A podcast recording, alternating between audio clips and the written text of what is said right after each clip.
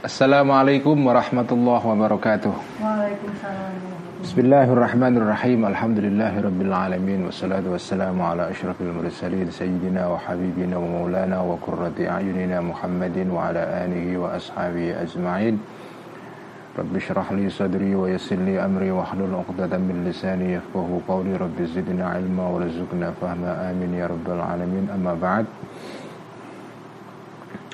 Mari kita mulai ngaji kita dengan membaca Al-Fatihah untuk Imam Ghazali. Bismillahirrahmanirrahim. Ila ruhi nabiyina syafi'ina Muhammadin sallallahu alaihi wasallam. وإلى أرواح الأنبياء والمرسلين وإلى أرواح الأهل والأصحاب أجمعين وإلى أرواح الأولياء والشهداء والصالحين وإلى أرواح العلماء الصالحين والمؤلفين والمصنفين خصوصا مؤلف هذين الكتابين حجة الإسلام أبي حامد الغزالي قدس الله سره ونور ضريحه وعلى بركاته ونفعنا بعلومه. وإلى أرواح أموات المسلمين والمسلمات والمؤمنين والمؤمنات خصوصا أرواح آبائنا وأمهاتنا وأجدادنا وجدادنا ومشايخنا ومشايخ مشايخنا وإخواتنا وأخواتنا وأصدقائنا لهم جميعا الفاتحة. أعوذ بالله من الشيطان الرجيم. بسم الله الرحمن الرحيم. الحمد لله رب العالمين. الرحمن الرحيم. مالك يوم الدين. إياك نعبد وإياك نستعين. اهدنا الصراط المستقيم صراط الذين أنعمت عليهم غير المغضوب عليهم ولا الضالين. آمين. بسم الله الرحمن الرحيم. قال المؤلف رحمه الله تعالى به وبعلومه في الدارين آمين ربي يسر وأعين. Al-Munkith minad Dalal halaman 71 Wa ammal mantikiyatu baris terakhir ya Wa ammal mantikiyatu Adapun ilmu-ilmu para filosof yang berupa mantikiyat Ilmu-ilmu logika Fala yata'allaku maka tidak berhubungan. Minha dari ilmu-ilmu mantikiyat ini Syai'un sedikit pun Bidini dengan masalah agama. Baik nafian secara negatif au wa isbatan dan secara positif atau secara konfirmatif ya. Mantek itu tidak ada kaitan dengan agama karena mantek itu adalah kaidah berpikir ya. Itu berlaku untuk ilmu agama, ilmu non agama dalam bidang apa pun. Seperti pisau yang bisa dipakai untuk ngiris apa saja. Jadi ini ilmu yang sifatnya netral karena dia adalah ilmu alat ya. Mantikiyat itu tidak ada kaitan dengan masalah agama. Balhia sebaliknya ilmu mantikiyat ini adalah ya an-nazaru uh, mendiskusikan atau melihat secara cermat fiturukil adillati di dalam atau memikirkan fiturukil adillati tentang jenis-jenis uh, atau jalan-jalan berupa dalil-dalil ya wal maqayisi dan berupa berbagai jenis kias. Jadi ini adalah ilmu yang meneliti mengenai uh, dalil dan premis-premis yang kita pakai untuk menyusun sebuah hujah ya, kodiyah-kodiyah istilahnya itu. Bagaimana menyusun kodiyah yang produktif yang bisa menghasilkan natijah atau keputusan Eh, kesimpulan ya. Bagaimana itu? Apa jenis-jenis kodiyah yang yang yang sahihah yang benar dan kodiyah yang tidak benar ya premis yang tepat dan premis yang tidak tepat itu cara eh, apa itu mengetahui itu adalah dalam ilmu mantikiyat itu wasyuruti wasyuruti muqaddimatil burhani dan mengenai syarat-syarat eh, mukaddimah mukaddimahnya burhan. Burhan itu adalah ya kias ya. Burhan itu adalah eh, satu dalil yang kokoh sehingga tidak mengandung keraguan apa pun. Wa kaifiyati tarkibiyah dan bagaimana menyusun mukaddimat ini, premis-premis ini, kodiyah-kodiyah ini ya. Wa syurutil haddi dan syarat-syaratnya had pelanggaran atau definisi as yang yang valid, yang absah ya. Wa kaifiyati tartibi, tartibi dan bagaimana cara untuk menyusun al-had atau dal, uh, definisi ya. dalam ilmu logika itu ada ada had, ada definisi, ada burhan. Ya. Kalau definisi itu berkaitan dengan apa yang disebut dengan tasawur. Tasawur itu artinya ya pengetahuan kita mengenai sesuatu yang bersifat tunggal, tidak disusun. Jadi misalnya apa itu definisi manusia? Itu namanya tasawur. Untuk mengetahui sesuatu yang bersifat mufrad, tunggal, itu dibutuhkan definisi. Misalnya manusia, apa itu definisi manusia? Itu butuh definisi. Untuk mengetahui manusia itu butuh definisi. Misalnya binatang, untuk mengetahui hakikat binatang dibutuhkan definisi. Itu namanya tasawur. Tasawur itu adalah pengetahuan kita mengenai al-lafzul ya. Sesuatu yang tunggal. Manusia, binatang, apa pun ya warna apa itu definisi warna misalnya apalagi banyak ya pengetahuan apa itu definisi pengetahuan nah kalau burhan itu terkait dengan eh, hujah atau dalil untuk eh, mengetahui sebuah susunan yang terdiri dari subjek dan predikat ya. Misalnya ketika kita mengatakan eh, apa itu kullu insanin hayawanun. Setiap manusia itu adalah hewan. Bagaimana kamu bisa mengetahui bahwa kullu insanin itu hayawanun? Nah, untuk mengetahui kebenaran statement itu itu dibutuhkan burhan ya. Jadi kalau untuk mengetahui lafal yang tunggal itu dibutuhkan definisi. Tapi kalau untuk mengetahui sebuah statement yang terdiri dari subjek dan predikat yang dalam istilah ilmu mantek disebut dengan maudhu dan mahmul ya maudhu itu adalah apa itu subjek mahmul itu adalah predikatnya ya, predikat Nah, itu namanya setiap statement itu pasti terdiri dari dua unsur ini, subjek dan predikat. Nah, untuk mengetahui sebuah statement itu kamu harus membuktikannya dengan burhan. Apakah statement itu tepat atau tidak itu dibutuhkan burhan ya. Wa annal ilma dan sesungguhnya ilmu itu dibagi dua, imma tasawurun ada kalanya berupa tasawur ya. Tasawur itu ya tadi itu pengetahuan mengenai lafal mufrad ya. Wasabilu ma'rifati dan jalan untuk mengetahui tasawur itu adalah al-haduhat ya. Kursi misalnya Apa itu kursi? Itu dibutuhkan definisi Rumah, apa itu rumah? Dibutuhkan definisi ya. Wa imma tasdikun dan ada kalanya berupa tasdik Tasdik itu statement ya.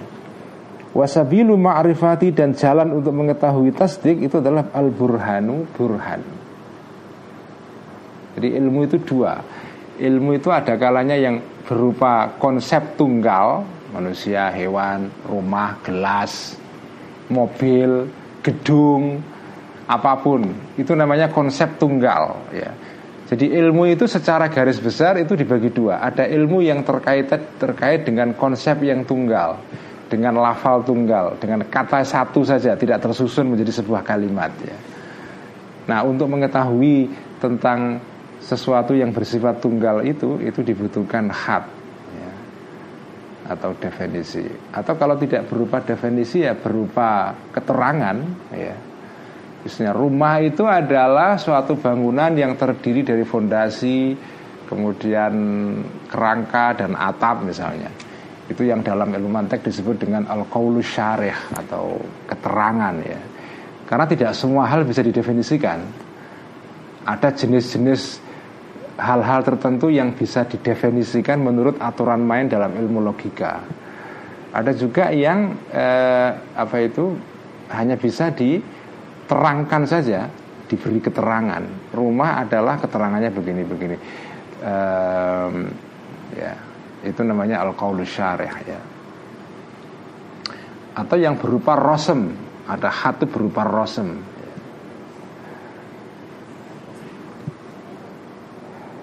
Nah kedua ilmu itu berupa burhan Burhan itu adalah ilmu yang berkaitan dengan statement ya. Misalnya misalnya statement bahwa corona pandemi corona eh, akan berakhir pada bulan Juni. Nah, kan ada prediksi sekarang ini kan. Pandemi corona akan berakhir di Indonesia pada bulan Juni. Itu namanya statement. Itu namanya tasdik ya. Dalam ilmu mantek disebut dengan tasdik ya. Jadi statement. Bagaimana kamu bisa membuktikan kebenaran statement ini? Harus pakai burhan, harus pakai bukti. Walaysa dan tidak ada fi di dalam masalah ini yaitu masalah ilmu-ilmu mantik ini ma sesuatu yang bagi yang seyogianya an yungkaro untuk diingkari ya. ma tadi itu ilmu mantek itu tidak mengandung sesuatu pun yang harus diingkari dari sudut agama. Karena tidak ada kaitan dengan agama ini. Ini tidak berkaitan dengan syarak. Karena ini berkaitan dengan ilmu alat ya.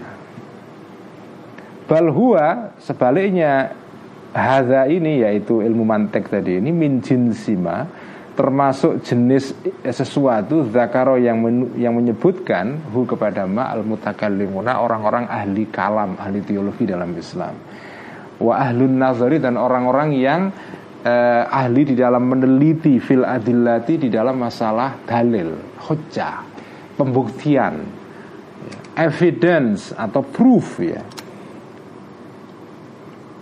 jadi ilmu mantek itu adalah bagian dari ilmu yang oleh para teolog disebut dengan adillah dalil itu.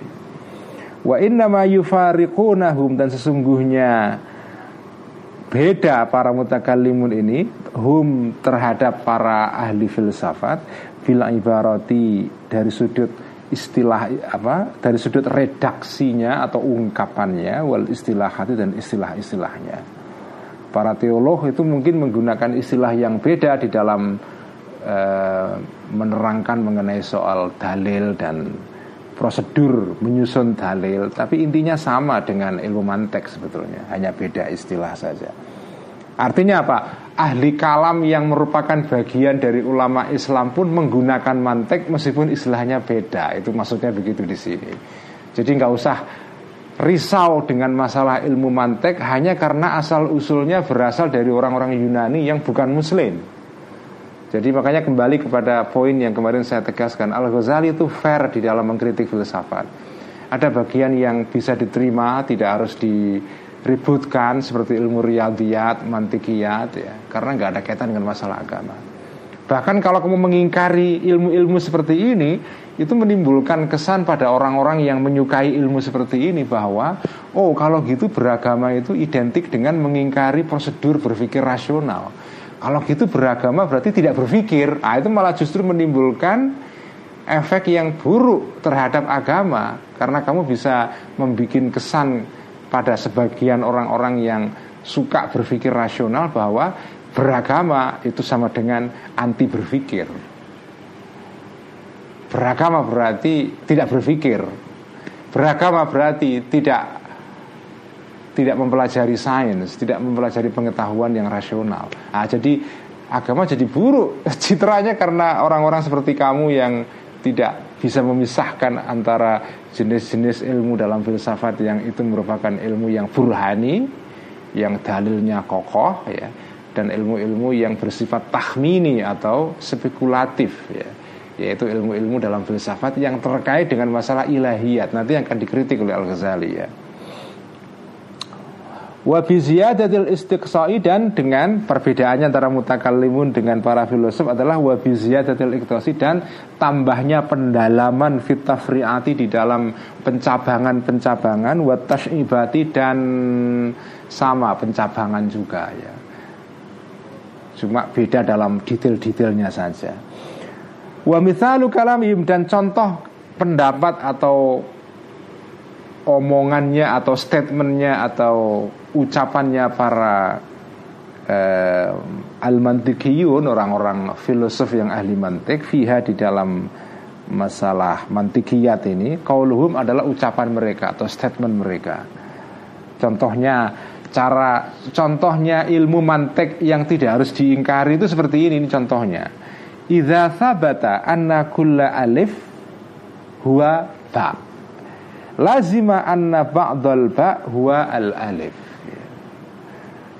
Idza sabata jika jika benar jika tetap maksudnya terkonfirmasi itu maksudnya idza sabata anna kulla alif bahwa semua A adalah huwal ba adalah B A B maksudnya bahwa A itu adalah sama dengan B bahwa kalau semua A adalah B ya, bahwa semua A adalah B lazima maka dengan sendirinya maka otomatis anna ba'dal ba huwal alif bahwa sebagian B adalah A ini hukum berpikir logis saja yang ini nggak bisa diingkari. Jadi hukum ini contoh berpikir logis ya.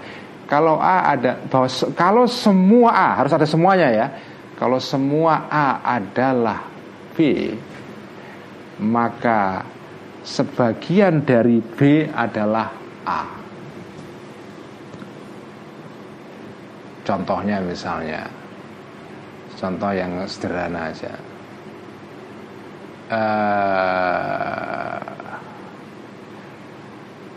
jika misalnya apa? Jika semua gelas ya, jika semua gelas itu bentuknya bundar jika sem, jika semua gelas adalah bentuknya bundar. Ya, karena ya taruhlah bahwa ini setan benar ya. Saya kira kalau diobservasi benar, semua gelas bentuknya kan bundar. Jarang lah ada gelas yang bentuknya persegi. Ya, ada juga, tapi taruhlah bahwa bahwa semua gelas itu bentuknya adalah bundar. Jika semua gelas adalah bentuknya bundar, maka kesimpulannya adalah bahwa jadi ini contohnya jika A adalah B jika A itu maksudnya semua gelas B adalah berbentuk bundar maka sebagian dari B adalah A maka kesimpulannya sebagian dari barang yang berbentuk bundar itu adalah gelas. Karena tidak semua barang yang berbentuk bundar berupa gelas. Ada yang berupa bola ada yang berupa macam-macam. Eh, topi juga ada yang bundar.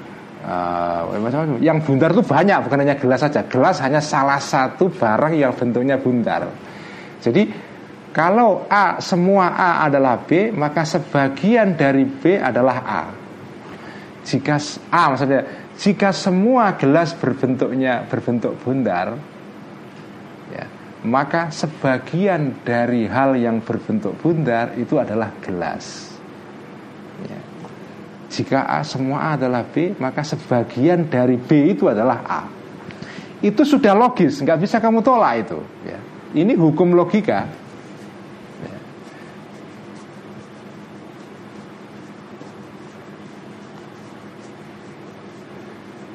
Jika semua wilayah Indonesia itu ada di ASEAN, itu banyak contoh yang lain lagi, maka sebagian wilayah ASEAN itu adalah Indonesia ya kan? Jika semua wilayah Indonesia itu bagian dari ASEAN, maka sebagian dari ASEAN, sebagian dari B yaitu ASEAN adalah A yaitu Indonesia. Contoh yang lain, Aidha sabata Maksudnya jika tetap Jika terbukti anakulla insanin Jika setiap manusia hayawan adalah hayawan Hewan Semua manusia adalah hewan Tak ada yang mengingkari itu ya. Karena manusia adalah bagian dari hewan. Jika semua manusia adalah hewan, lazima maka kesimpulannya maka tetaplah anna ba'dal hayawani bahwa sesungguhnya sebagian hewan insanun adalah manusia. Jika semua manusia adalah hewan, maka sebagian dari hewan itu adalah manusia. Karena hewan itu tidak hanya manusia saja. Hewan ada berupa kambing, ada kucing, ada macam-macam. Manusia hanya salah satu uh, apa ya family atau ya di dalam kerajaan namanya animal kingdom itu ya kerajaan hewan Wa dan mengungkapkan para ahli mantik anhata tentang hal ini dengan istilah begini fi annal mujabatal kulliyata. Sesungguhnya kodiyah atau premis yang mujabah kulliyah. Kalau ada premis bersifat universal dan uh, positif ya itu maksudnya mujabah. Mujabah itu maksudnya positif tidak nafi ya. Semua manusia adalah hewan itu positif kan karena tidak ada negasi di situ. Kalau negasi, kalau negatif berarti redaksinya tidak semua hewan itu manusia. Itu namanya bukan mujabah, itu namanya e, salibah dalam istilah manteknya ya. Jadi premis ini itu di dalam ilmu mantek disebut dengan mujabah kuliah positif dan kuliah universal karena yang disebut dengan premis yang kuliah adalah setiap kodiyah yang ada embel-embel atau ada kata kulunnya di situ. Kulun atau istilah-istilah lain yang maknanya sepadan dengan kulun. Jamiun atau uh, apa itu? Ya pokoknya yang yang sama dengan kata kulun ya. Jadi kalau premis di situ ada kata kulun ya semua namanya kuliah. Namanya keseluruhan kan? Kuliah artinya keseluruhan. Jadi kullu insanin hayawanun itu adalah premis atau kodiyah statement yang namanya dalam ilmu mantek itu mujabah kuliah. Positif dan universal. Ya. karena dia bersifat positif tidak negatif ya. Kuliah karena ada kata kulun di situ. Menyakup semua hal Nah, kodiyah kuliah mujabah atau mujabah kuliah tan akisu bisa dibalik ya, bisa diakes itu istilah dalam mantek juga. Tan akisu menjadi terbalik kodiyah mujabah kuliah mujabatan juz'iyatan sebagai kodiyah mujabah positif, eh, positif juga tapi juz'iyatan juz'i. Maksudnya apa? Kalau ada statement bentuknya itu adalah mujabah kuliah universal dan positif ya. Seperti semua manusia adalah hewan. Itu kalau dibalik maka bunyinya adalah sebagian hewan itu adalah manusia. Nggak bisa mujabah kuliah kemudian dibalik menjadi apa itu uh, dibalik menjadi misalnya uh, salibah kuliah nggak bisa. Misalnya semua manusia adalah hewan. Terus kamu balik menjadi tidak semua hewan itu bukan manusia. Itu kan nggak bisa karena statement semua hewan itu bukan manusia itu tidak benar karena Hewan itu sebagian ada manusia, sebagian ada tidak, ya kan? Jadi jadi statement semua manusia adalah hewan itu kalau di di apa itu di dibalik ya kebalikannya opositnya kebalikannya itu adalah bahwa sebagian hewan adalah manusia kalau kamu balik menjadi tidak semua hewan semua hewan bukan manusia salah juga. Ya. Jadi mujabah kuliah dibalik menjadi mujabah juz'iyah ya. Inilah hukum berpikir. Ini kalau diterapkan dalam berbagai hal dalam kehidupan sehari-hari juga bisa. Dan ya ini kaidah yang kelihatannya rumit tapi kalau terjadi dalam kehidupan sehari-hari ada statement yang tidak masuk akal pasti kamu tahu akan merasa oh kayaknya nggak masuk akal statement. Nah, itu sebetulnya manusia itu diberi oleh Allah kanugerah berupa hukum-hukum rasional yang sudah diinstal dalam pikiran kita. Nggak usah belajar mantek pun itu itu uh, Ya tidak semua sih, ada bagian-bagian dalam ilmu mantek berupa aturan-aturan berpikir itu yang sudah ada dalam pikiran kita yang tidak usah membutuhkan belajar ilmu logika. Kalau kamu menjumpai statement yang tidak masuk akal itu langsung kamu tahu, oh, eh nggak cocok ini kayaknya, nggak masuk akal. Ya contohnya tadi itu misalnya uh, semua wilayah Indonesia itu ada di kawasan ASEAN masuk akal ya masuk akal itu karena secara empiris ya terbukti semua wilayah Indonesia ada di kawasan ASEAN ya. tapi kalau kamu bilang misalnya Indonesia itu tidak ada di kawasan ASEAN. Kamu pasti dengan sendiri langsung mengatakan tidak tidak masuk akal. Langsung mengatakan itu salah statement itu. Atau misalnya kamu katakan semua wilayah ASEAN itu tidak ada Indonesia di situ. Itu namanya uh, salibah kuliah ya. semua wilayah eh, semua wilayah ASEAN itu tidak ada Indonesia di situ kamu dengan sendirinya langsung mengatakan ah tidak benar statement itu. Ya. Jadi sebetulnya ilmu mantek itu ilmu yang kelihatannya rumit tapi sebetulnya akan bisa mudah difahami begitu kamu tahu ada statement di dalam pembicaraan atau dikemukakan oleh orang tokoh atau siapa pun yang nggak masuk akal. Kamu langsung dengan sendirinya bisa mendeteksi itu. Ini nggak bisa ini. Nah ilmu seperti ini itu tidak ada kaitan dengan agama karena ini berkaitan dengan prosedur berpikir.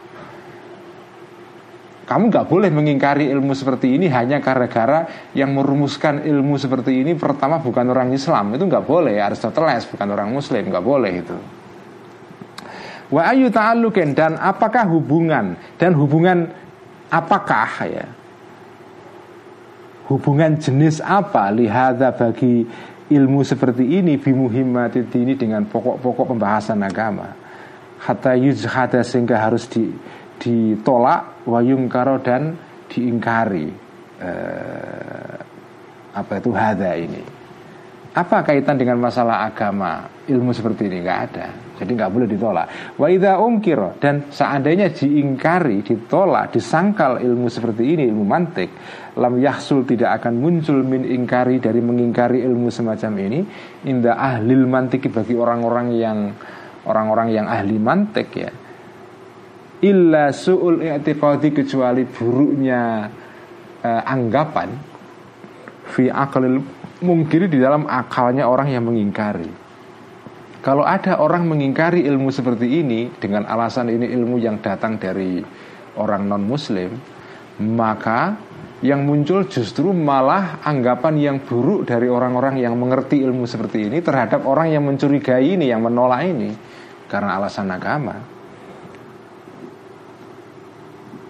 akan muncul anggapan yang buruk mengenai kewarasan akal yang menolak orang orang-orang yang menolak ilmu mantik ya. Bukan hanya anggapan yang buruk terhadap nalarnya orang-orang yang menolak balfidini bahkan di dalam agamanya al-mungkir ini alladzi yaz'umu yang menyangka orang al-mungkir ini annahu sesungguhnya agama din maukufun itu butuh atau didasarkan ala mithli hadzal ingkari terhadap pengingkaran seperti ini. Orang yang menolak ilmu mantik itu akan orang yang mengerti ilmu mantik akan mengira bahwa orang yang jadi kalau ada orang menolak ilmu mantik karena alasan agama, karena alasan bahwa ini ilmu yang ditemukan oleh orang kafir yaitu Aristoteles, maka orang-orang yang mengerti ilmu mantik akan beranggapan bahwa kalau begitu beragama itu sama dengan identik dengan berpikir tidak logis, berpikir tidak rasional. Nah, timbul anggapan yang buruk mengenai agama. Ya kan? Naam betul ini sebuah istidrok ya. Lahum bagi para uh, ahli mantik ya atau mantikiyun naun jenis minat zulmi dari kezaliman maksudnya ketidakadilan, injustice fi hadzal ilmi di dalam masalah ilmu ini ya. Memang ada sesuatu yang harus dikritik di dalam ilmu mantik ini. Jadi meskipun tidak semua, yaitu apa? Wahua dan zulmu ini adalah annahum sesungguhnya para filosof yang ahli ilmu mantik ini ya ya jemauna menggabungkan lil atau mengumpulkan mendaftar lil burhani bagi burhan yaitu prosedur berdalil atau berargumen untuk menetapkan kebenaran sebuah statement tadi itu ya sebelumnya. Jadi istilah burhan itu sama dengan cara untuk membuktikan kebenaran statement itu namanya burhan. Kalau had definisi itu cara untuk mengetahui sesuatu yang bersifat mufrad, tunggal, ya, konsep tunggal, lafal mufrad, kata yang tunggal.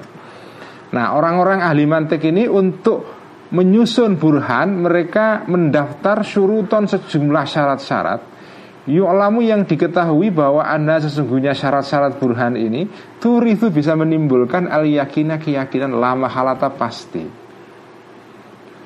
Jadi orang-orang ahli mantik itu menetapkan syarat-syarat untuk menyusun argumen burhan yang ketat Yang akan memproduksi menghasilkan kesimpulan yang tidak bisa ditolak kebenarannya Ya tadi itu seperti kalau A, kalau semua A adalah B, maka sebagian dari B adalah A. Itu hukum berpikir itu kan. Nah, kalau dalam hal seperti ini memang dalilnya kuat, dasarnya kuat. Tetapi lakin naum tetapi sesungguhnya para ahli mantek ini indal intihai ketika sampai ilal maqasidi kepada tema-tema ad atau tujuan-tujuan ad yang bersifat keagamaan ma'amkana tidak memungkinkan hum kepada para ahli mantek ini al wafa untuk memenuhi bitil kasyuruti terhadap syarat-syarat itu. Begitu mereka masuk ke dalam tema-tema ketuhanan ilahiyat, mereka tidak bisa menyusun dalil yang sekuat di dalam ilmu-ilmu mantek itu. Ketika mereka masuk ke ilmu yang bersifat ketuhanan, mereka dalilnya itu spekulatif, tahmini tidak sekuat ketika mereka berbicara dalam masalah ilmu mantik itu. Orang yang tidak bisa membedakan antara dua dua bidang ini akan menyangka bahwa semua argumen para filosof itu semua meyakinkan baik dalam ilmu mantikiyat ataupun ilahiyat. Nah ini yang di sinilah terjadi kezoliman dalam pengertian terjadi uh, ketidakseimbangan dalam melihat masalah sehingga terjadi ketidakadilan ya. Fal tasahalu Bukan saja mereka tidak mampu memenuhi Syarat-syarat berargumen secara burhani dalam masalah ilahiyat Bal tasahalu Sebaliknya mereka sembrono Para ahli mantek ini Hoyat tasahuli uh, Kesembronoan yang sangat akut sekali ya. Hoyat tasahuli dengan kesembronoan yang sangat yang sampai ke puncaknya itu. Warubbama yang turu dan boleh jadi melihat fil mantiki di dalam ilmu mantik aidon juga man orang. Yastahsinu yang menganggap baik orang ini hu kepada ilmu mantik wayara dan melihat orang ini hu kepada mantik wadihan sebagai ilmu yang jelas. Argumennya jelas kokoh dan seterusnya. Ada orang yang boleh jadi ada suatu keadaan boleh jadi hal berikut ini terjadi juga yaitu orang membaca ilmu mantik kemudian melihat aturan-aturan berargumentasi dan berpikir di sana disusun begitu ketatnya sehingga meyakinkan ya seterusnya. Kemudian fayazunnu maka mengira orang ini annama sesungguhnya ilmu yungkolu yang di di alih bahasakan, diambil, diimpor ilmu ini anhum dari para ahli ilmu mantik minal kufriyati berupa pendapat-pendapat yang mengandung kekufuran yaitu dalam bidang ilahiyat ketuhanan. Muayyadun dia mengira bahwa khobarnya ana muayyadun didukung disupport bimithli tilkal ini dengan uh, burhan-burhan seperti tadi itu. Burhan dalam pengertian argumen yang kokoh yang tidak mengandung keraguan. Mereka mengira bahwa di dalam masalah ilahiyat pun para ahli mantek juga bisa pendapat-pendapatnya dalam bidang ilahiyat itu itu juga muayyadun disupport didukung dengan hujah yang levelnya burhan. Hujah yang tingkat tinggi yang meyakinkan. Fayasta'jilu maka segera berburu-buru ya. Uh, tergesa-gesa orang tadi bil kufri untuk melak untuk untuk melakukan kekafiran untuk untuk kafir untuk kufur ya uh, qoblal intihai uh, sebelum sampai ilal ulumi kepada ilmu-ilmu al-ilahiyati yang bersifat ilahiyah. Fahadhihi maka ini fahadhil afatu maka bahaya ini aidon juga mutatarriqatun bisa masuk ilahi kepada ilmu-ilmu yang bersifat mantikiyat ini ya. Jadi orang yang seperti ini ya itu bahkan sudah kufur sebelum dia membaca ilmu-ilmu yang ilahiyat. Karena dia sudah menganggap bahwa ilmunya para filosof ini itu semua kategorinya burhani semua. Baik dalam hal mantikiyat, dalam hal akli, dalam hal apa itu uh, akliyat ya atau di dalam hal ilahiyat, siasiat, holokiyat dan seterusnya. Ini ilmu yang bersifat mantikiyat. Jadi kita sudah membahas ya. Pertama adalah ilmu-ilmu yang bersifat uh, akliyat ya. Mantikiyat ya. Nah, sekarang kita masuk ke bagian berikutnya, tabiiyat. Karena ilmunya para mantik itu kan itu uh, apa itu kalau diteliti ya uh, secara garis besar ya. Jadi kita sudah menyelesaikan pembahasan mengenai riyadiyat dan e, mantikiyat. Kedua ilmu ini oleh Al-Ghazali dianggap ini ilmu yang tidak mengandung masalah. Ya. Matematik dan logika itu adalah ilmu alat, jadi nggak perlu di sangkal atau ditolak hanya gara-gara itu ditemukan atau ditulis oleh orang-orang kafir ya. Ya ini kalau diterapkan sekarang zaman sekarang ya bisa ya. Jadi kita nggak boleh menolak sains atau fisika, biologi, astronomi, kimia, geologi atau ilmu-ilmu yang dipelajari di dalam perguruan tinggi umum itu nggak boleh hanya oh, ini kan ilmu dari barat nggak bisa selama ilmu itu punya evidence, punya dalil, punya bukti yang kokoh, ya udah kita nggak bisa nggak bisa nolak itu ya. Yang kita tolak adalah kalau menyangkut masalah-masalah yang bersifat ideologis atau agama, sudah menyangkut pandangan dunia, nah itu baru kita harus meneliti apakah sesuai nggak dengan pandangan dunia Islam atau tidak. Kalau ilmu-ilmu yang bersifat non keagamaan, selama itu didukung oleh bukti yang kuat, ada evidence, ada proof, kita nggak kita nggak boleh menolak itu karena alasan agama, karena alasan itu dibikin oleh orang kafir nggak boleh itu. Wa amat tabiiyatu, adapun ilmu-ilmu yang bersifat tabiiyat ya. Ilmu filsafat yang bagian tabiiyat ya, fahuwa maka ilmu semacam ini adalah bahthun, adalah berisi penelitian. An ajsami alamis samawati tentang eh, apa itu? Bentuk-bentuk alam di langit di atas ya. Planet eh, apa itu galaksi ataupun rembulan eh, matahari dan seterusnya ya. Jadi ilmu tabiat itu pada intinya adalah ilmu yang membahas mengenai ajasam, mengenai bentuk-bentuk yang bersifat fisikal, bentuk-bentuk yang punya tubuh, yang ada jisimnya, ada jasadnya ya. Wakawakibiha dan dan planet-planet yang ada di dalam samawat ya atau bintang-bintang yang ada di samawat atau kaukab itu kalau dalam bahasa astronomi modern ya bisa disebut dengan sistem bintang yaitu uh, star bintang bintang itu adalah adalah satu sistem di mana di situ ada matahari yang dikelilingi oleh planet-planetnya itu namanya uh, namanya adalah uh, sistem matahari atau bintang ya. Itu namanya kaukab ya. Kan ada sistem matahari.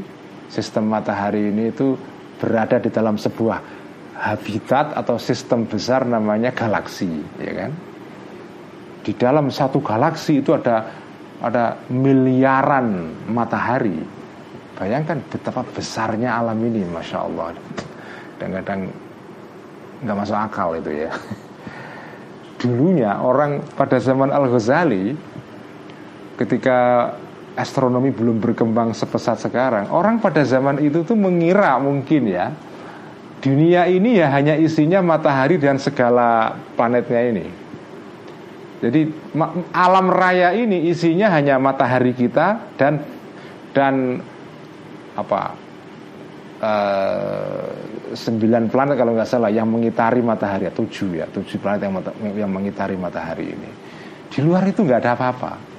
Jadi seolah-olah alam raya itu ya bumi plus tujuh langit. Cuma tujuh langit itu maksudnya apa? Kita nggak tahu juga. Maksud karena ketika itu ilmu astronomi belum berkembang sebesar sekarang. Jadi pada zaman itu orang mengira bahwa alam raya itu sempit sekali sebetulnya karena hanya bumi kita, matahari plus sejumlah planet yang mengitari matahari itu. Sekarang kita sekarang menjadi tahu bahwa berkat teleskop Hubble yang luar biasa itu ya kita sekarang jadi tahu bahwa ternyata planet kita ini atau sistem matahari kita ini adalah salah satu saja di antara miliaran matahari di dalam satu galaksi ya, yang disebut dengan galaksi Milky Way yang di mana ini galaksi tempat kita tinggal itu namanya Milky Way ini. Nah galaksi Milky Way ini ya, itu adalah galaksi kita ini adalah satu di antara miliaran galaksi di alam raya ini atau bahkan triliunan miliaran galaksi di alam raya ini. Betapa luasnya alam raya ini. Kita nggak tahu, kita nggak bisa membayangkan luasnya itu ya. Nah ini ilmu-ilmu yang namanya tobiyat ya ini ya. Wama tahtaha dan ilmu yang membahas mengenai fenomena-fenomena tahta yang ada di bawahnya langit yaitu fenomena di bumi. Minal ajsami berupa jisim-jisim benda-benda fisik al-mufrati yang tunggal. Contohnya apa? Benda-benda yang tunggal itu kalmai seperti air, wal hawai dan udara. Ya ini pada zaman Al Ghazali atau di zaman Yunani ya mereka mengira bahwa bahwa air itu adalah adalah jisim yang tunggal. Padahal air itu adalah adalah entitas atau wujud yang terdiri dari beberapa elemen kan? Kalau kita belajar kimia air itu tidak tunggal. Elemen-elemennya ya uh, ada hidrogen ada oksigen dan jadi tidak tunggal. Kalau dipecah-pecah sebetulnya dia ada elemen-elemen yang menyusun itu juga. Udara juga sama ya Ya tapi ini kan ilmu pada zaman Yunani ketika belum ditemukan ilmu kimia yang lebih canggih seperti sekarang ini ya. Waturobi dan tanah, ya tanah nggak tunggal juga. Tanah yang mana dulu? Kalau tanah tambang batu bara atau nikel atau itu unsur-unsurnya juga kompleks, tidak hanya satu saja ya. Ya tapi taruhlah tanah itu adalah unsur tunggal ya. Wanari dan api. Jadi itulah itulah objek pembahasan dari at yang ada di bumi. Atau wa anil ajsami dan dari objek-objek fisik al murakkabati yang tersusun yang uh, apa yang terdiri dari beberapa unit yang kompleks ya tidak hanya tunggal saja. Seperti kalau hayawani seperti hewan. Ya kalau hewan kita tahu lah ya. Hewan itu adalah makhluk yang yang kompleks. Ya kalau sekarang sekarang dalam ilmu biologi modern ya kita jadi tahu bahwa unit terkecil yang menyusun organisme atau bah, hewan yang hidup itu kan namanya sel ya kan? Meskipun sel itu juga di dalamnya susunannya kompleks sekali tapi sel itu penyusun paling bata tunggal bata yang menjadi unit paling kecil untuk menyusun manusia atau binatang itu namanya kan sel ya kan? Pada zaman Al Ghazali pada zaman Yunani itu belum ditemukan konsep mengenai sel itu. Kal hayawani seperti hewan wan nabati dan pohon-pohonan atau tumbuh-tumbuhan wal ma'adini dan mineral. Mineral itu bebatuan seperti emas seperti mutiara seperti rubi seperti macam-macam lah batu-batuan ya Wan asbabi taghayyuriyah dan tentang sebab-sebab perubahan-perubahan yang terjadi pada ajsam ini. Wastihalatiha dan berubah sama juga istihalatnya berubah dari satu bentuk ke bentuk yang lain ya. Kenapa dari dari kayu menjadi api? Setelah kayu dikenai api, dibakar api jadi abu misalnya. Kenapa itu kok terjadi perubahan bentuk dari satu elemen berubah jadi elemen yang lain misalnya. Wamtizajia dan uh, penggabungan atau campuran atau campurnya ajisam ini. Inilah objek dari ilmu tabiiyat. Kalau istilah modern ya tabiiyat ini ilmu fisika. Meskipun fisika di sini menyangkut juga biologi, kimia, ya dan seterusnya.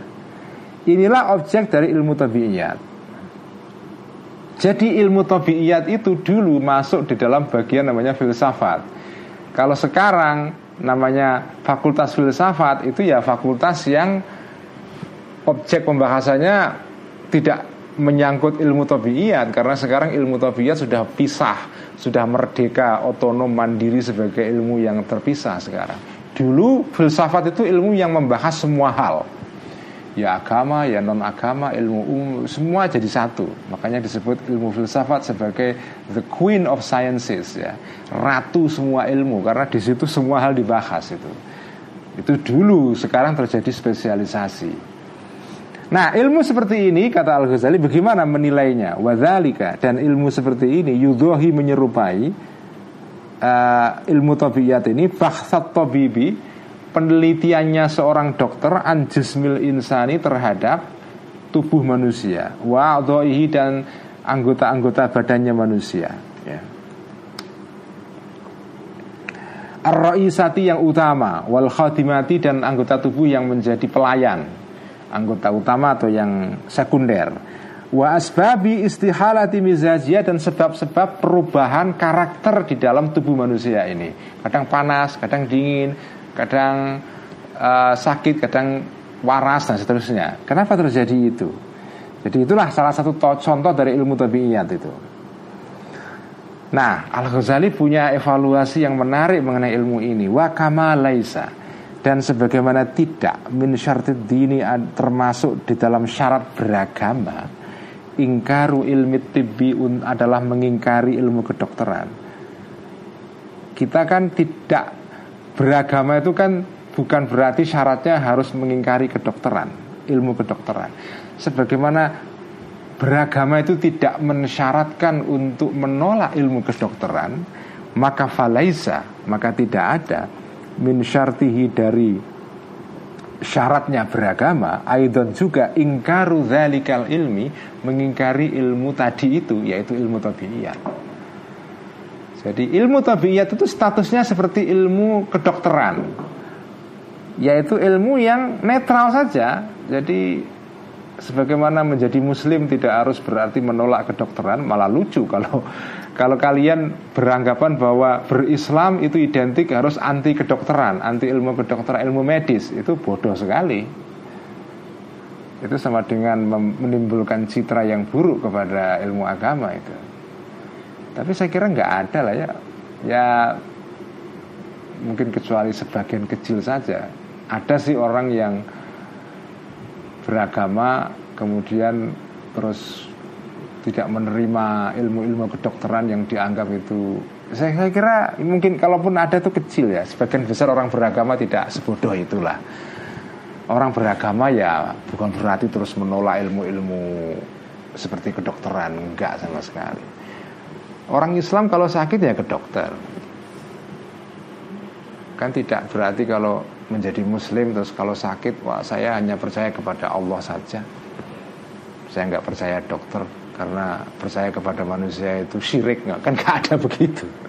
Saya kira nggak ada orang beriman sebodoh itu. Saya kira kalaupun ada ya kebangetan ya kecil jumlahnya lah ya. Setahu saya orang beragama agama apa pun maupun Islam baik Islam Kristen Katolik Hindu Buddha apa pun ya Yahudi Bahai Sikh semua itu tidak ada orang yang beragama kemudian langsung terus beragama ya berarti menolak kedokteran itu nggak ada itu.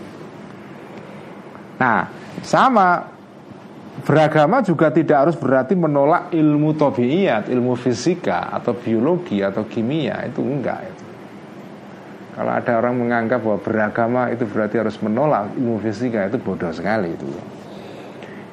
tapi illa fi masaila kecuali di dalam masalah-masalah muayyanatin yang tertentu zakarna yang menyebut aku Al Ghazali ha kepada masail ini fi kitab tahafutil falasifah dalam kitab tahafutul falasifah ini membuktikan bahwa kitab Al Mungkith Minad Dolal ditulis setelah tahafutul falasifah ya. Wama dan sesuatu ada huma yang selain ada ha yang selain uh, masail tadi itu mimma berupa ilmu-ilmu atau pendapat-pendapat yajibu yang wajib al mukhalafatu untuk berbeda fiha di dalam uh, masail ya. Fa inda ta'ammuli maka ketika dipikir secara mendalam ya tabayyanu jelas anna sesungguhnya masail ini mundarijatun masuk tahta di dalam bagian dari ilmu tabiiyat atau masail ini ya atau tabiiyat. Kecuali dalam hal-hal yang memang memang problematis ya. Misalnya ini ya ini misalnya. Salah satu bagian dari ilmu tabiiyat ini adalah orang yang belajar ilmu tabiiyat menurut tradisi ilmu Yunani ini, kemudian mereka secara otomatis ya itu punya pendapat bahwa alam itu kodim, alam itu bersifat abadi, alam itu ya dari dulu ya ada sampai kapan pun ada alam tidak akan pernah hancur. Itu pendapat yang secara langsung menjadi implikasi, menjadi akibat dari belajar ilmu tobiyat ala Yunani. Makanya sebagian besar para filosof Yunani termasuk Aristoteles ya sebagaimana di ditulis oleh para atau diceritakan kembali oleh para filosof muslim seperti Ibnu Sina itu kan berpendapat bahwa alam itu abadi. Itulah yang disebut dengan teori kidamul alam. Nah ini bertentangan dengan akidah Islam karena dalam akidah Islam yang abadi hanya Tuhan. Makhluk itu tidak ada yang abadi. Baik abadi dalam pengertian abadi ke masa lampau artinya ya sejak dulu ada nggak pernah ada apa titik awalnya Sampai kapan pun juga ada itu namanya abadi ke masa depan. Nah, pendapat seperti ini ini termasuk masa ilmu ayyana ya. Jadi masalah-masalah tertentu di dalam tobiiyat yang perlu dikritik karena bertentangan dengan akidah Islam. Kalau contoh modern, contoh modern ya, ini kan contoh klasik zaman Yunani. Contoh modern adalah teori evolusi. Teori evolusi. Teori evolusi itu itu itu ada beberapa bagian yang problem. Tidak semua bagian dalam teori evolusi harus ditolak di dalam cara pandang agama. Misalnya bahwa e, spesies itu berkembang, mengalami mutasi karena adanya seleksi alam. Mutasi atau variasi kalau bahasanya Charles Darwin ya. Kan ini agak sedikit cerita sedikit tentang ilmu biologi modern sebagaimana diterangkan oleh Charles Darwin ya. Darwin kan mengatakan menarik sekali kalau sampai belajar ilmunya Charles Darwin itu teori evolusi itu. Dan itu mengagumkan teori ini karena teori ini menjelaskan kenapa di dunia ini itu kok ada spesies macam-macam. Kenapa kok ada binatang namanya mamalia ya ada ada kuda, ada anjing, ada spesies yang macam-macam, ada ayam, ada sapi, ada manusia, ada macam-macam. Itu dulu ceritanya bagaimana? Apakah Allah itu ketika menciptakan alam raya itu itu setiap makhluk itu diciptakan sendiri-sendiri? Jadi ya kuda dicipta sendiri, nanti anjing sendiri, manusia sendiri, ayam sendiri, kerbau sendiri, onta sendiri. Apakah begitu? Atau sebetulnya binatang-binatang ini itu dulunya leluhurnya itu satu, terus kemudian bercabang-cabang-cabang-cabang mengalami variasi-variasi, terus muncul banyak binatang-binatang dan hewan-hewan ini. Dulunya orang mengira bahwa ya dulunya makhluk itu tercipta ya oleh Tuhan itu ya masing-masing dicipta sendiri-sendiri. tidak melalui variasi selama jutaan tahun melalui proses seleksi alam sebagaimana dikatakan Darwin itu tidak begitu. Darwin mengatakan bahwa makhluk itu mengalami variasi yang bermacam-macam ini itu karena proses jutaan tahun. Dulunya makhluk itu tunggal, makhluk berupa makhluk berupa eh, makhluk yang bersel tunggal, entah bentuknya apa, tapi dari sel tunggal itu memecah, memecah, memecah, memecah dan timbullah dalam waktu jutaan tahun karena bumi kita itu konon dalam ilmu modern itu umurnya kira-kira 4 4 miliar tahunan lah ya. Nah hidup di muka bumi itu ya sekitar 3 miliaran tahun muncul di muka bumi ini Nah selama tiga kira-kira 3 miliar tahun ini itu makhluk itu mengalami variasi yang bermacam-macam Semula dari makhluk yang sederhana Kemudian menjadi sedikit kompleks Naik terus terus terus terus terus terus, terus sampai muncul manusia itu yang disebut dengan the descent of man dalam bukunya Darwin itu ya. Jadi manusia itu sebetulnya lahir dari leluhur yang sama dengan binatang-binatang yang lain. Itu teorinya Darwin. Nah, kalau teori evolusi dalam pengertian variasi dan seleksi alam dan segala macam itu menurut saya oke. Okay. Secara agama kita tidak harus menolak.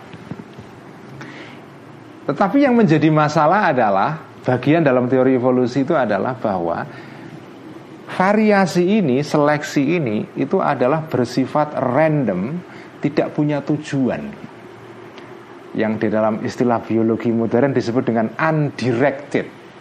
Jadi ini evolusi yang berkembang secara random, tidak ada tujuannya. Jadi alam itu bekerja random aja, nggak ada tujuan kalau muncul manusia itu nggak disengaja, nggak ada yang sengaja dan tidak dan karena tidak bertujuan maka tidak ada aktor yang menjadi uh, penyebab semua perubahan-perubahan ini. Aja nggak ada Tuhan itu. Nah bagian ini yang menurut saya kita nggak bisa terima itu jelas bertentangan dengan agama. Bagian dari teori evolusi yang mengatakan bahwa evolusi ini random, undirected, tidak ada tujuan dan tidak ada yang mendesain. Nah ini jelas bertentangan dengan akidah agama karena kita percaya bahwa semua alam ini diciptakan oleh Allah itu.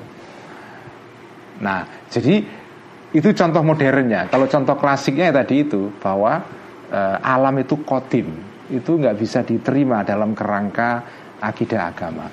Meskipun, nah ini ada catatan lagi ya, meskipun Ibnu Rushd ulama juga ahli fikih, ulama yang yang jaduk sekali ya, mengatakan bahwa kita tidak boleh mengkafirkan filosof karena menganggap alam itu kodim.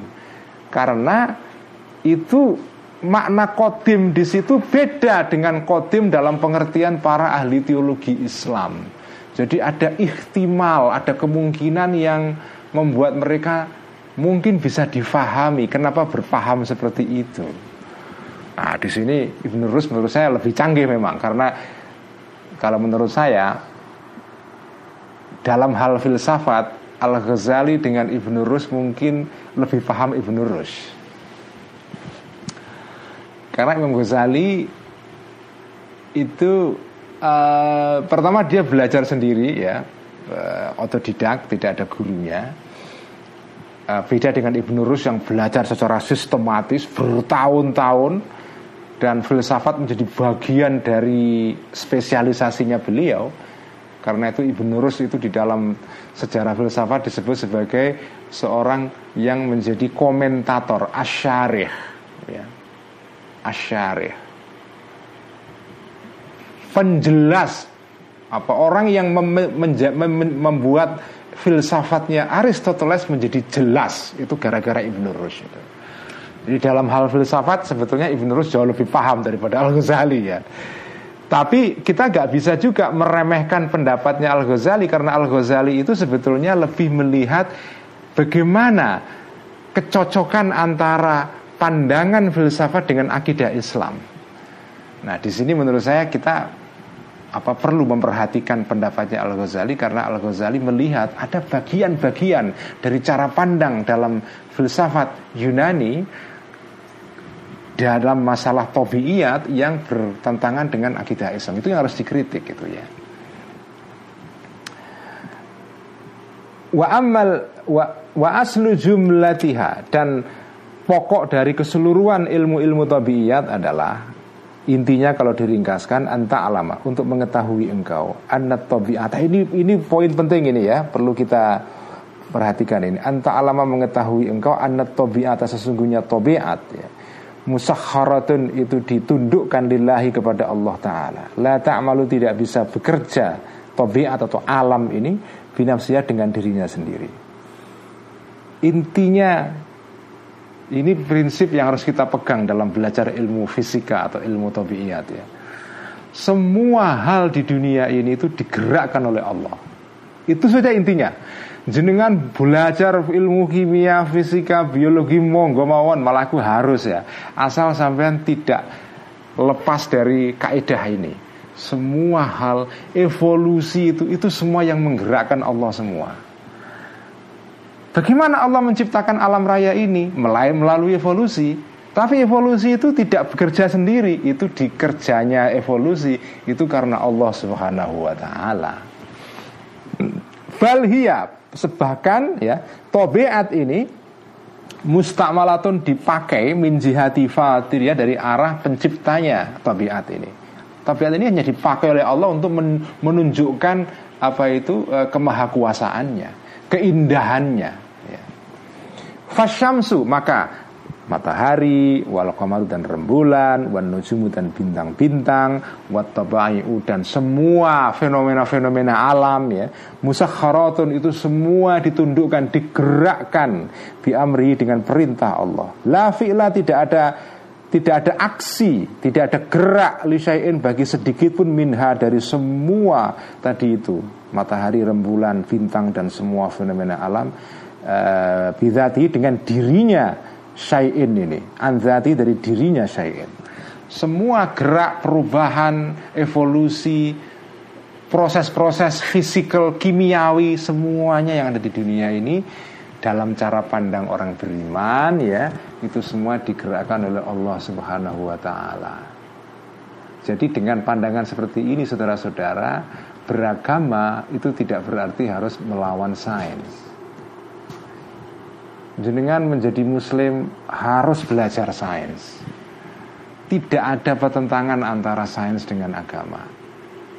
Wong sains itu ya bidang sendiri, tidak ada kaitan dengan agama. Cuma pesannya Al Ghazali, ketika anda belajar sains, anda sebagai seorang beriman harus memiliki kesadaran bahwa fenomena di dalam ilmu kimia, proses-proses kimiawi di dalam ilmu alam raya ini.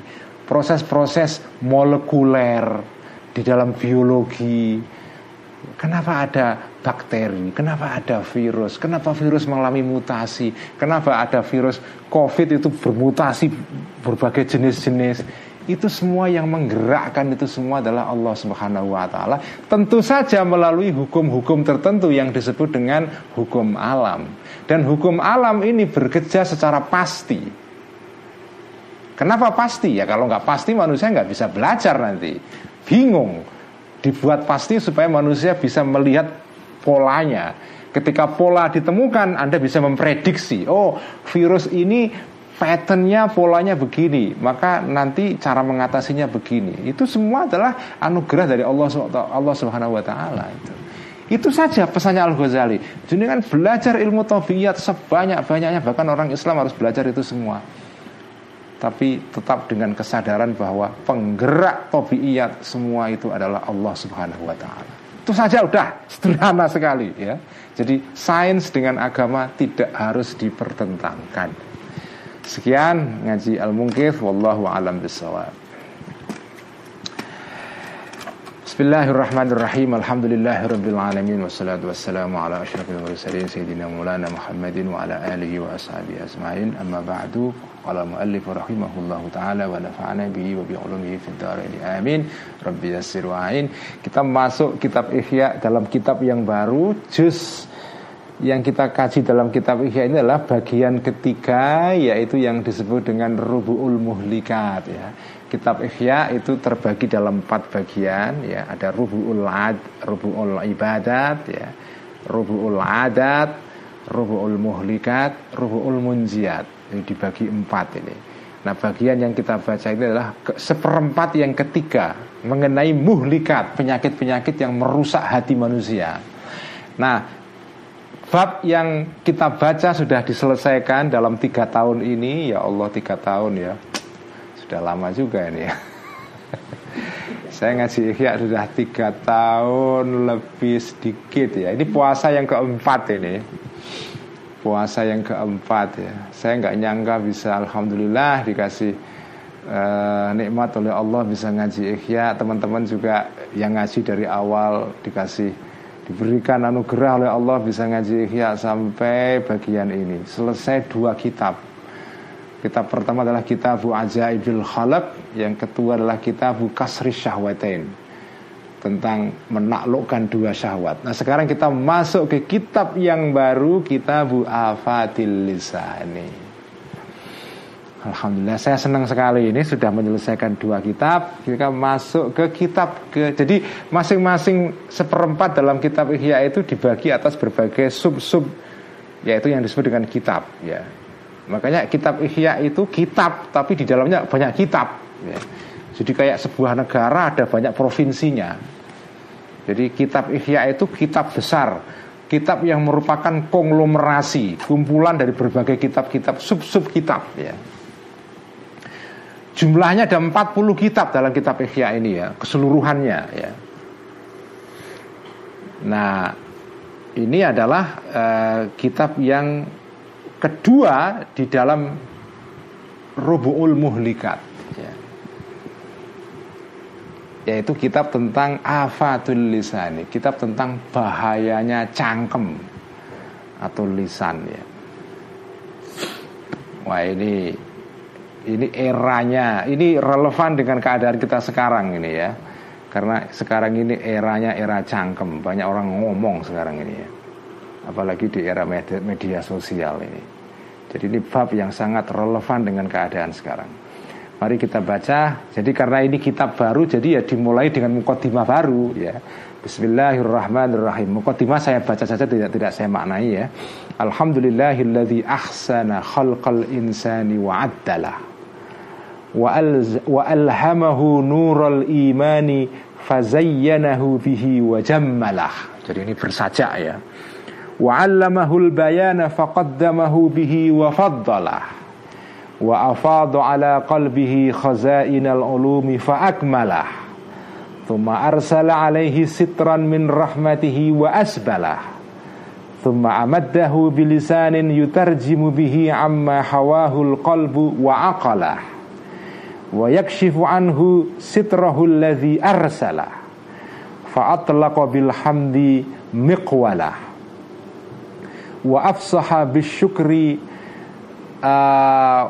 عما أولاه وحوله من علم حصله ونطق سهله وأشهد أن لا إله إلا الله وحده لا شريك له وأشهد أن محمدا عبده ورسوله الذي أكرمه وبجله ونبيه الذي أرسله بكتاب أنزله وآي فصله ودين سبله صلى الله عليه وعلى آله وأصحابه ومن قبله. Ma kabbarallaha abdun wa hallalah. Ini mukaddimahnya indah sekali ya. Kalau yang suka ceramah ini bisa jadi modal untuk membuka ceramah ini. Supaya ceramahnya mukaddimahnya tidak monoton enggak acak ya. Bervariasi tidak. Alhamdulillah rabbil alamin wassalatu wassalamu apa itu uh, alhamdulillahirabbil alamin nahmaduhu wa nasta'inuhu wa nastaghfiruh. Ya, itu kan sudah biasa. Kalau mau yang agak variasi ya itu di kitab Ihya banyak sekali mukaddimah mukaddimah ini. Ini modal untuk para penceramah untuk memulai ceramahnya dengan mukaddimah yang variatif ya. Amma ba'du. Fa innal lisana min ni'amillahil azimah. Fa innal lisana sesungguhnya lisan cangkem Lisan itu secara harafiah bukan cangkem maknanya Sebenarnya lidah ya, Tang, lidah Karena ngomong itu organ pokoknya adalah lidah Min ni'amillahi adalah bagian dari nikmat Allah al-azimati yang besar. Lidah itu ya Allah, nikmat yang besar sekali ya. Coba kalau kita renungkan itu lidah itu dahsyat sekali ya. Yang dahsyat itu ya, coba jangan pikirkan itu. Lidah manusia itu organnya kan sama.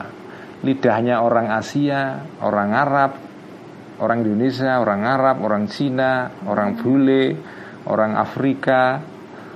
Eh, sama saja organnya itu itu aja.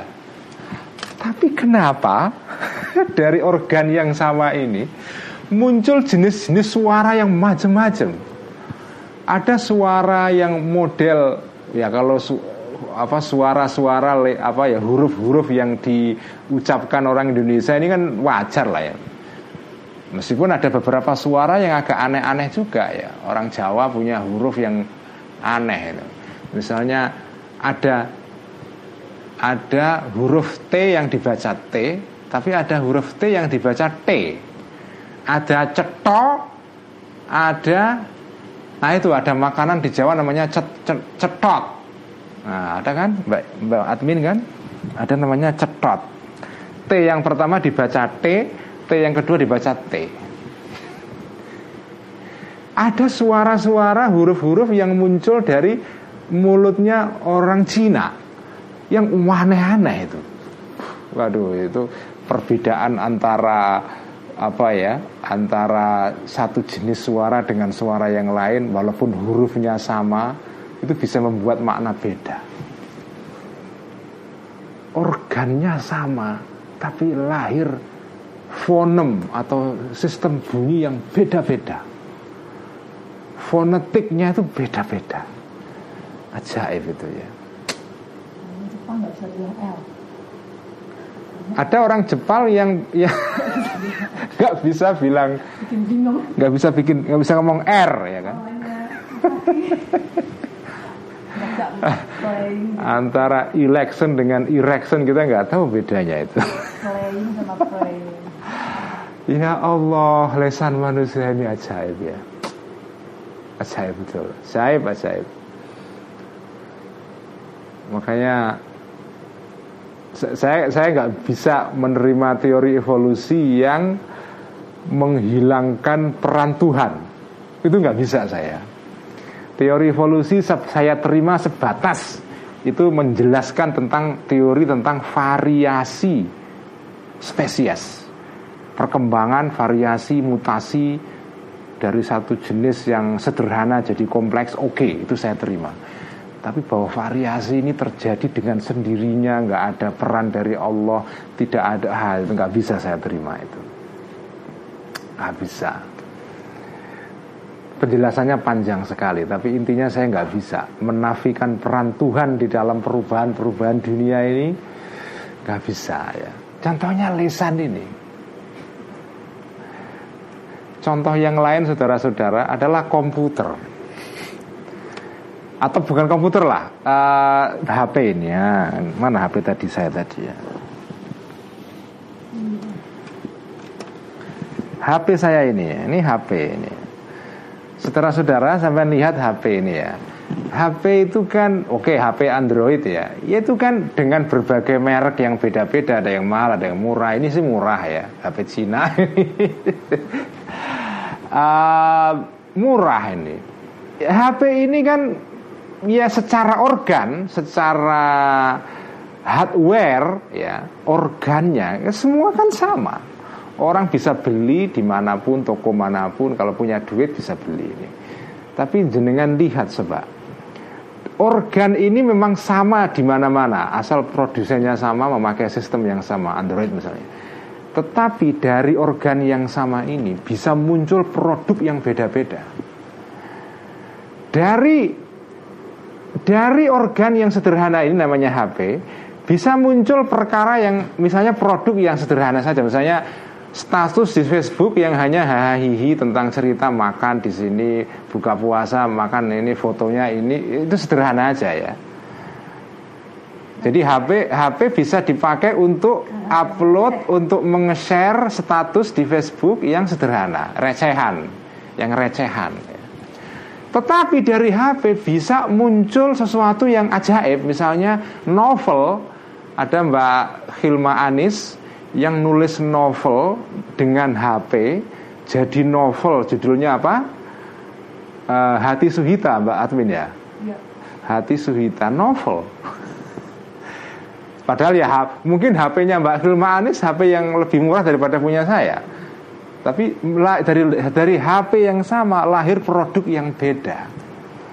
Ini menunjukkan apa? Bahwa karena ada orang yang berpikiran begini, manusia itu ya nggak beda dengan binatang lah. Wong kalau di, di, dilihat struktur genetiknya manusia itu, manusia dengan simpanse itu, itu 90% itu struktur genetiknya sama. Ya namanya juga nama-nama sama-sama hewan ya Itu kan sama dengan sampean mengatakan bahwa Ya HP-nya saya dengan Mbak Hilma Anis kan ya sama Nama sama-sama HP Android Tapi kan walaupun sama struktur genetiknya Dari manusia dan dari cimpanse Itu kualitasnya beda banget itu yang dalam tulisan-tulisan saya di mojok.co itu saya sebut sebagai marotibul wujud wujud itu beda-beda. Manusia itu wujud ada, kucing juga ada, ayam juga ada. Maksudnya wujud. Kambing juga ada. Maksudnya kambing itu wujud, manusia wujud. Pitik juga wujud. Anjing juga wujud, manusia wujud. Tapi pertanyaannya, walaupun sama-sama wujud, apakah wujudnya manusia dengan wujudnya kucing sama? Sama enggak? Enggak sama. Ya sama dengan tadi itu HP saya ini sama dengan HP-nya Mbak Hilma Anis Tapi dari HP-nya Mbak Hilma Anis muncul novel Dari HP saya hanya status Facebook Woro-woro ngaji ikhya saja Nggak muncul novel. Artinya apa? Kesamaan di dalam struktur fisik Itu tidak menjelaskan bahwa itu sama. Karena ada sebagian orang yang karena belajar ilmu biologi modern itu ya kemudian punya pandangan bahwa manusia itu dengan binatang yang nggak ada bedanya. Karena sama-sama bagian dari animal kingdom. Struktur genetiknya manusia dengan simpanse kera bonobo itu nggak nggak beda.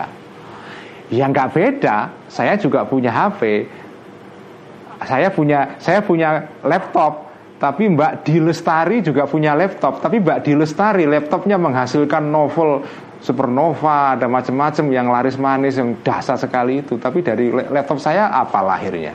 Nggak ada apa-apa. Ya paling buku manusia rohani saja itu.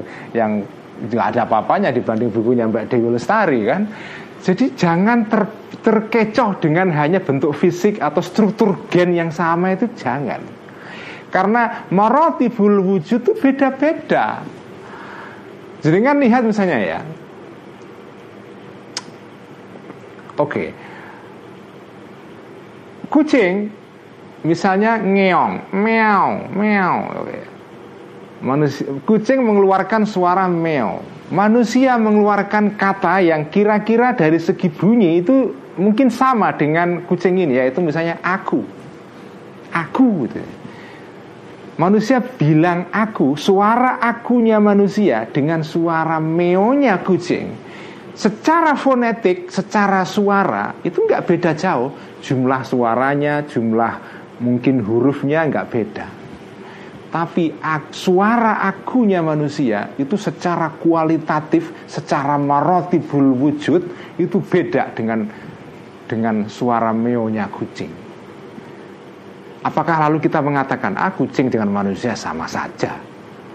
Wong manusia ngomong aku, kucing juga ngomong meow. Ya memang kalau dilihat dari segi itu iya, tapi akunya manusia itu beda dengan meonya kucing. Aku manusia itu adalah sistem bunyi yang diatur dengan sistem yang kompleks. Ada nahwunya, ada sorofnya. Ya kalau aku tok sederhana, tapi kalau aku pergi ke sekolah itu kompleks. Kucing nggak bisa bilang aku pergi ke sekolah, nggak bisa. Apalagi kalau sudah ngomong ngaji ya begini satu jam lebih begini kan uh, ngomongnya kompleks sekali ini kosakatanya bermacam-macam struktur gramatiknya itu kompleks sekali ini yang membuat ini siapa kalau hanya melalui evolusi saja saya rasa yang undirected mutation and variation seperti kata Charles Darwin, saya nggak percaya itu. Ini ada Tuhan di balik ini. Di balik ini ada sang maha desainer oh yang mendesain ini semua. Gak bisa menyamakan manusia dengan binatang hanya karena struktur genetiknya yang mirip dengan bonobo atau simpanse. Itu menurut saya nggak masuk akal. Itu sama dengan sampean menyamakan komputer. Saya punya komputer, saya punya laptop, Dewi Lestari punya laptop, atau Gunawan Muhammad punya laptop juga. Tapi kan laptopnya Mas Gunawan Muhammad menghasilkan catatan pinggir yang keren sekali. Saya apa laptopnya nggak jadi apa-apa. Apakah laptopnya saya sama dengan laptopnya? Iya sama sebagai barangnya, hardwarenya. Tapi fungsinya beda sekali fungsinya beda sekali. Nah, lesan juga begitu. Lesannya manusia ini adalah min ni'amillahil azimah. Walataifi sun'ihil ghariba Walataifi dan Walataifi ni'ami dan lem, dan nikmat-nikmat Allah yang lembut al gharibati yang ajaib ajaib lesan manusia itu lesan dengan organ yang sama tapi menghasilkan sistem fonetik yang bermacam-macam. Berapa jumlah bahasa di dunia ini? Berapa Billy ya? Gak tahu saya itu jumlah bahasa di dunia ini. Sistem suaranya orang Perancis dengan orang Jerman dengan orang Jawa itu beda-beda. Padahal organnya kan sama. Ilatnya ya begitu itu ya ilat. Lo ilatnya kucing dengan ilatnya manusia lepas dari ukurannya ya kucing mungkin lebih kecil, tapi kan bentuknya kan sama saja. Pita suaranya mungkin juga sama ya secara garis besar ya. Tapi tapi itu dari sana lahir sistem fonetik yang beda-beda. Fa'innahu karena sesungguhnya lesan ini sohirun kecil. Jirmuhu jirimnya bentuk fisiknya lesan ini. Azimun besar to'atuhu to'atnya e, lesan ini. Wajurmuhu dan maksiatnya lesan ini. Lesan ini bentuknya kecil. Tetapi ketaatannya kalau dipakai untuk zikir Allah untuk berkata-kata yang baik itu juga menimbulkan hal yang ajaib. Tapi kalau dosa melakukan kesalahan juga ajaib hasilnya. Lesan manusia itu bisa untuk memproduksi diskos atau speech ucapan yang menakjubkan seperti pidatonya Bung Karno atau pidatonya Fidel Castro tapi juga bisa menghasilkan omongan yang menjengkelkan. Seperti omongannya siapa kemarin youtuber yang di Bandung yang jadi ramai akhir-akhir ini gara-gara ngeprang seorang apa itu uh, seorang apa namanya? Transgender, uh, transgender itu.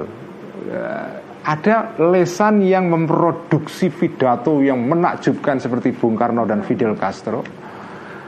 Ada lesan yang memproduksi ucapan yang waduh nggak bermutu menjengkelkan dan aduh nggak jelas pokoknya lah Idlayatabayyanu Karena tidak jelas al-kufru kekafiran Wal imanu dan iman Illa bisyahadatil lisani Kecuali dengan kesaksian lesan Kamu kafir, kamu iman Itu nggak ada buktinya kalau nggak diungkapkan Diartikulasikan dengan lesan Wahuma dan kekafiran dan iman tadi itu Hoyatu to'ati adalah puncak ketaatan itu iman Wal isyani dan kemaksiatan Pembangkangan itu puncaknya kekafiran itu itu semua diungkapkan dengan lisan.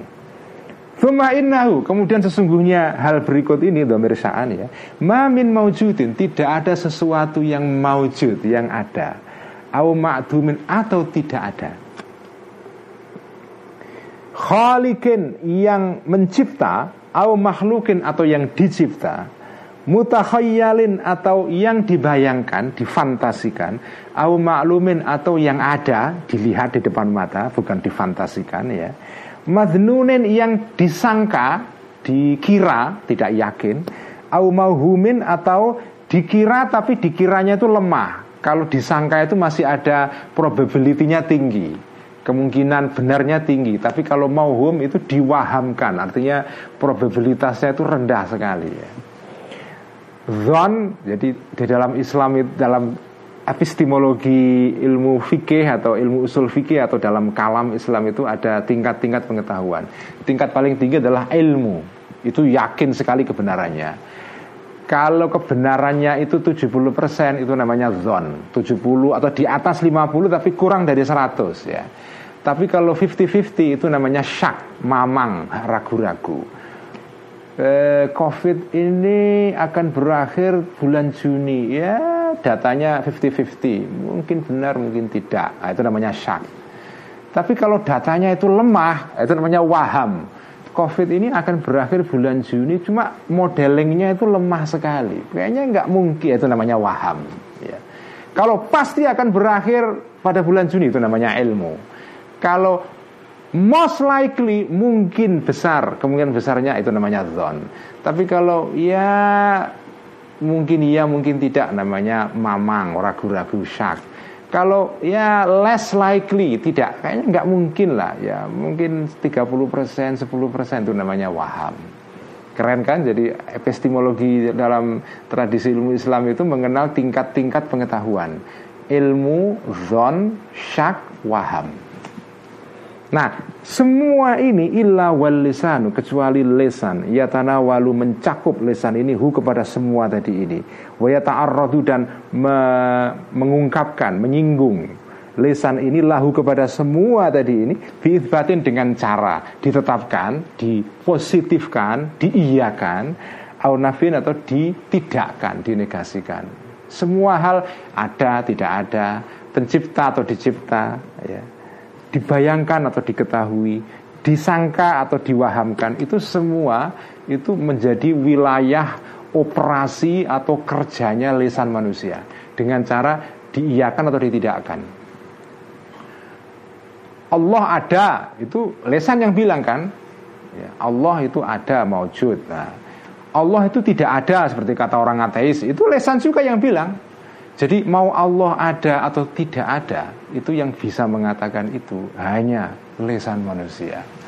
Ajaib kan lesan ini kan? Ya Allah Gusti. Fa'inna kullama karena sesungguhnya setiap hal Ya tanawalu yang mencakup hu kepada ma ini ala ilmu ilmu. Setiap hal yang itu menjadi wilayah ilmu yu'ribu akan mengungkapkan anhu terhadap ma ini al-lisanul lesan lesan manusia lah yang mengungkapkan ilmu itu Ya pengungkapan itu bisa lesan bisa ditulis ya. Kalau tulis pakai tangan Tapi kalau kalau diucapkan dengan lesan. Imma bihakin ada kalanya pengungkapannya ini bihakin dengan jujur Au batilin atau bohong. Wala dan tidak ada sesuatu pun Illa wal ilmu kecuali pengetahuan. Mutanawilun itu mencakup lahu kepada sesuatu itu. Semua hal itu adalah menjadi wilayah ilmu wilayah tahu. Tahu itu kan ya tahu apa saja kan. Namanya tahu itu kan bisa mencakup apa saja. Mencakup sesuatu yang bisa diketahui, mulai dari yang kecil-kecil sampai yang teori yang kompleks sekali, itu kan namanya bagian dari tahu. Jadi segala hal tidak ada satupun hal di dunia ini yang tidak menjadi wilayah pengetahuan dari yang remeh-temeh seperti bagaimana bikin kue misalnya. Atau ah, saya sampai pengetahuan mengenai virus itu kan kompleks sekali. Semua itu bagian dari pengetahuan. Mulai bagaimana cara mencari alamat untuk Gojek misalnya. Sampai ke teori tentang apa itu fusi nuklir. Semua itu ilmu semua ya. nah wahadihi dan ini adalah khosiyatun khasiat keistimewaan la tujadu yang tidak ditemui visa iril a'doi dalam semua anggota badan. Ini hanya ada di lesan saja. Fa'innal aina karena sesungguhnya mata latasilu tidak bisa sampai mata ini ilah ghairil alwani kecuali kepada selain warna waswari dan bentuk. Mata manusia itu daerah operasinya hanya menyangkut warna dan bentuk ada warna merah itu warna, bisa lihat mata. Tapi wangi. Apakah bisa melihat mata itu? Bau wangi itu. Bau bacin itu mata nggak bisa lihat nggak bisa lihat ya. Atau bohong atau jujur itu mata nggak bisa lihat. Ya. Wal udhuna dan sesungguhnya kuping, telinga, latasilu tidak sampai kuping ini ila ghairil aswati selain kepada selain suara. Daerah operasinya kuping hanya suara saja. Dengarkan musik bisa, tapi kuping tidak bisa mendengar warna.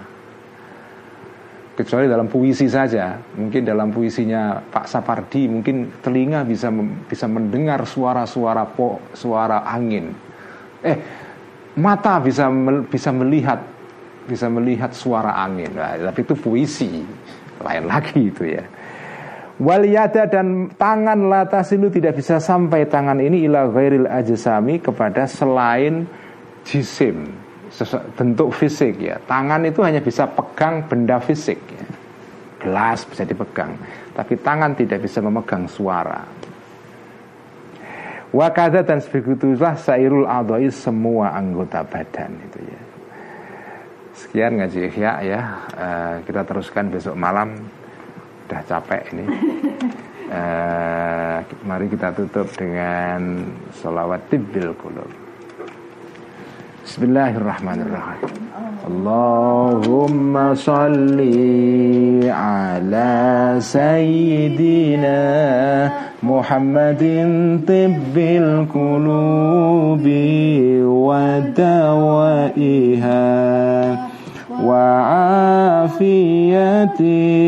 الأبدان وشفائها ونور الأبصار وضيائها وعلى آله وصحبه وسلم. اللهم صل على سيدنا محمد طب القلوب ودوائها وعافية الأبدان وشفائها ونور الأبصار وضيائها وعلى آله وصحبه وسلم. اللهم صل على سيدنا محمد طب القلوب ودوائها. وعافية الأبدان وشفائها ونور الأبصار وضيائها وعلى آله وصحبه وسلم. سكيان والسلام عليكم ورحمة الله وبركاته. وعليكم السلام ورحمة الله وبركاته.